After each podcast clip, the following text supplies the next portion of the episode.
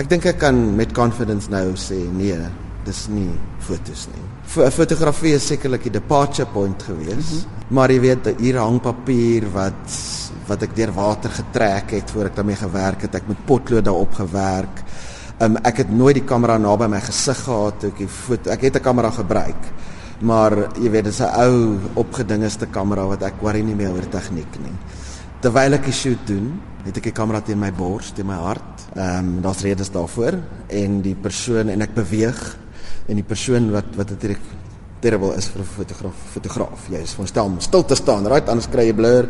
Die persoon vir wie ek met wie ek werk ek gaan nie eers sê afneem nie. Mm -hmm die persoon met wie ek werk moet ook beweeg. So dit is amper soos 'n dans wat tussen ons gebeur, jy weet in die studio. Dit is like ek beweeg, die persoon beweeg en ons gaan net aan. Ek skiet net. Ek het geen doel behalwe hulle is voor my en ons kyk mekaar dalk in die oë. Dit is baie intieme ding wat ja. gebeur.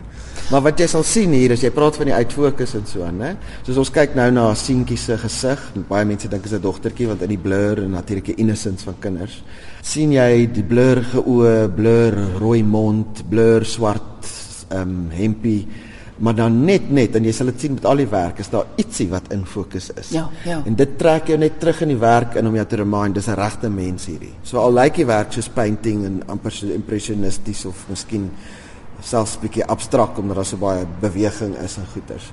Is daar altyd daai een dingetjie wat ek voorsoek om jou terug in te trek om te weet Ek is besig om te praat hier oor social justice issues en dat dit is nie net vir mooiheid nie. Ek trek jou miskien in deur te sê kom ons kyk na die mooiheid, maar daar's 'n storie daaroor. Kom ons praat oor die tema. Dis baie ernstige tema, maar dis ook 'n baie persoonlike tema. Ja, so I mean as jy nou hier na toe loop, dan sien jy nou my dogter. My dogter het 'n breinvel en sy is van Tossa herkoms. Ek het amper reg gesê. en sy sit op haar niggie se uh, skoot Ehm um, I mean hulle gesigte is geblur, raak jy kan hulle nie sien nie. Ehm um, maar die niggie se hare is lank en blond en 'n trek bo oor my dogter se African hare. Dis natuurlik embarrassing om al daai goeie te praat, maar ek hou daarvan om oor te praat because ons sit almal in ons liggame en ook al hoe polities ons liggame raak, dit is kinders, jy weet, hulle mm. sal mekaar se hare vat en dit bevraagteken en en compare en, en so aan. So die tema is hierso die konfrontasie wat ons familie gehad het met ons witheid. Jy weet in die aangesig van ons het 'n kind van Xhosa herkoms en haar vel is bruin en dit is tog te intens vir ons die verskille. En so ons is gekonfronteer met ons witheid en in die in die vulnerability daarvan. Jy weet ons jy weet vir alles 'n wit man. Ek ja. dink my vrou en die vrouens in die familie is nog meer acquiescent oor waar dinge moet gaan, maar as 'n wit man Dis 'n moeilike tyd in Suid-Afrika. Jy weet, mense wil kyk na hierdie image hierso. Kom ons praat 'n bietjie hierso oor hierdie een. So wat jy sien hier is my is ek in die middel van die image. My gesig is wit wit gesmeer met 'n tipe van 'n paste wat ons wat ek gebruik in hierdie performances. My dogter sit in my arms en sy punt vorentoe en sy kyk soort van baie dramaties vorentoe.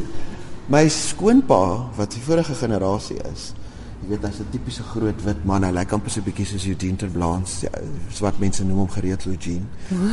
Ehm um, ironies genoeg was hy like 'n ANC member deur nie struggle, maar ek bedoel hy is nou daai figuur. Ja. So hy staan agter my. Hy lyk so half devastated, né? Hy's kaalvoet.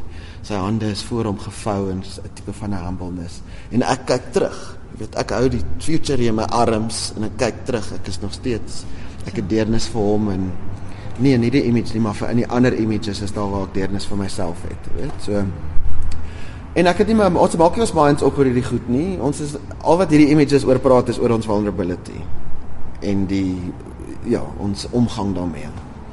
Ons praat gou oor die teks wat jy met potlood geskryf het. Wat is dit wat jy geskryf het? Kom stap en wys ek vir jou daarso agter. Ehm um, al met al hierdie tensions wat wit wees en en wil hê al hierdie goedes in society moet verander en dat ons familie nie so 'n groot konfrontasie moet hê nie. Jy weet dit ek net so half gevoel ek weet ons kan net iets doen wat vinniger dit laat gebeur en ek het gedink taal, okay. En ek het gesoek vir 'n ehm um, ek het gesoek vir 'n woordeboek. Miskien as ons al drie of almal ons familie like, kan begin kossa leer, jy weet. En maar die eerste ding wat ek gekry het snaaks genoeg was die oudste boek ooit geskryf hierso. Kyk hier, ek het dit gekoop. Hierdie boek het my R1000 gekos. Ja. Ehm uh, maar hy was in 1899 gepubliseer. En dit was die eerste keer wat daar ehm um, um, Kosa geskryf was na, jy weet, na ja. woorde toe. Dit was nog nooit geskryf voor dit nie. Ehm um, en dan sit nou 'n woordeboek en 'n phraseboek wat ek gekry het. En ja, yes, ek order toe die boek en ehm um, ek lees hom nou met groot intensiteit. Ek dog hiersoos ietsie hier, is 'n ou heritage waar jy weet wat mense, swart mense dit so half altruïsties gevoel dat die missionaries nou wil trots leer, jy weet. Maar meer ek die boek lees, hoe meer raak ek ongemaklik en ek weet nie hoekom nie. En ek dog ek ek het nou gevoel hier, ek is gereeld so, ek het 'n gevoel. As jy kyk nou, kom ons kyk hier wat ek gesien het. Don't excuse yourself that way. You have come back in time. I am satisfied. Are you ready to go? En dan is daar hierso instructions, directions to servants.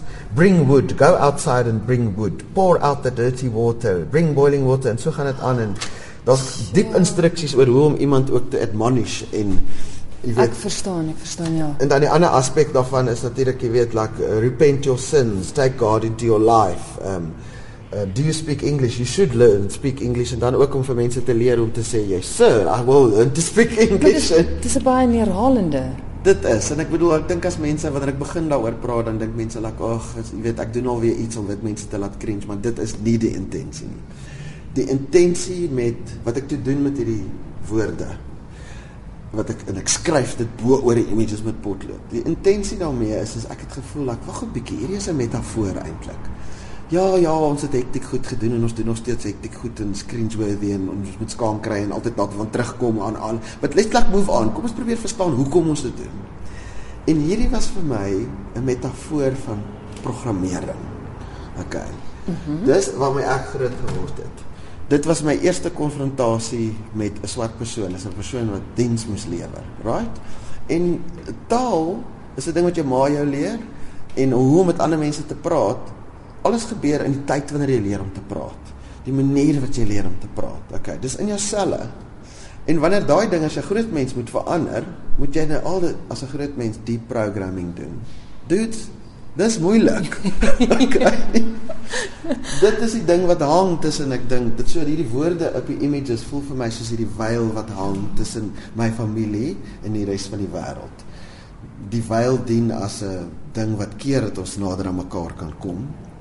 Die veil dien ook as 'n ding wat ons besmet soort van ding. So hier's my beautiful familie, al hierdie intieme intieme Dis ja, 'n beautiful familie. Die intieme portrets ja. van hulle. Ja. Maar hierdie historic master and servant ding wat op papier is hang oor ons jy weet wat mense ons ook nie kan sien net vir ons die liefde wat maar net daaraan gaan nie soos al sulke konsepte wat ek bymekaar bring net om ja dis die storie Die ander kunstenaar wat ook uitstal is Heike Allerton Davies en ons gesels oor jou uitstalling met die titel Daughters.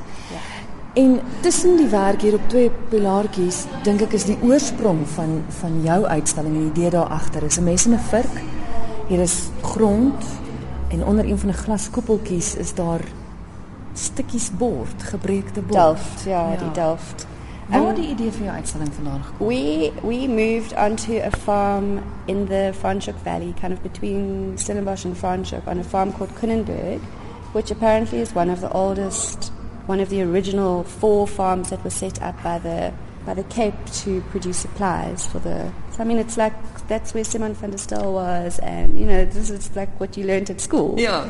And um, we moved onto a farm there just because it had um, it had good studio spaces, and as the seasons changed and they ploughed the vineyards, these things came out, and my daughter and I started collecting them, and she would disappear in the, into the fields and go and look for them and bring them to me. And we started to talk about why they're here and where they came from and what this farm means. And there's a another very, very poignant thing on the farm is the slave bell still stands there. So to try and explain that to your kids, you know, and your daughter. So this one is from the farm. I bought it in a in a bucket. and these are the actual pieces that we found there. And this installation, I just wanted to kind of refer to the serving, I suppose, that happened from the people that worked on the land and the kind of gentry, is that, that would be the right word to use? Um, so you've got this very delicate little, little um, handkerchief underneath with the soil on top and then the little shards and the knife and fork. Just kind of serving, I think, was the idea of it. As mens um, kyk na jou werk, dit dis daar's baie van dit wat wat die blou gebruik, dieselfde wat in die, wat in die Delft skerwe ja, is. Ja. Dis dis wit, dis lig, maar tog het jy jou jou stukke wat ook donker is. Yeah, the blue for me was quite a binding theme because it, it started with the Delft, mm. obviously, that we found. And in the coloured community in the Kalmore Valley, which has got it's surrounded by all those old, old wine farms. I've worked a little bit in the coloured community there in the last two years, and there are there are people there with very blue eyes, and it you know it obviously comes from the whatever's happened in previous generations. So the blue eyes really struck me, and it linked myself back to them. When you look at them, you feel like you're looking at a little piece of yourself. Mm. You know, and my kids have blue eyes. My whole family is a blue-eyed. You know, um, so the blue, yeah, the blue was quite important, and also in terms of the ocean, the sea that brought all the ships, and tears, and cleansing, and rain, and water. Yeah. Ons kyk nou juist is een groot skildery waar daar 'n klomp bruin en en 'n swart dogtertjies staan. Want want bruin dogtertjies veral ook speel 'n geweldige groot rol ook in jou uitstalling. Die titel Daughters, dit gaan uit die aard van die saak dan nou nie net oor oor jou dogter en jou yeah. kinders nie, maar ook oor Yeah, my previous my previous work has centered very much on um issues of gender and beauty and um how being female and how being a woman is is so such a double-edged sword um, in terms of it being such a powerful, such a powerful tool, and at the same time being the, probably the thing that makes you the most vulnerable. And I think raising a daughter and then linking her to these daughters um, was kind of where the link came in. Um, yeah, I'm just thinking, where do they all fit in, and what's going to happen, and where's their future, and how does my daughter fit in, especially in this country? And I made, I made these works um, through the Cecil John Rhodes stuff that happened this earlier this year. And it's, I mean, Cecil John Rhodes was, he was instrumental in everything that happened in that valley. So that also, you kind of think like, just I need to get my kids out of here. My, my, my daughter specifically, I don't know why, but I think because it has that female thing that comes in as well. Dis 'n ander werk jy het nou vroeër genoem van die trane wat ook die kleur ja. blou. Maar hier is een waar daar nie trane uit die oë uitkom nie, maar dis 'n blou strook. Ek neem aan dis ook water of trane wat ja. uit die mond uitkom. Ja, um for this one I wanted a feeling of purging of you know getting getting the poisons out and cleansing. So that's yeah, that was kind of where that one came from. As ons oorstap na die ander kant toe, jy het nog al die kleur goud ook in 'n paar van die werke gebruik.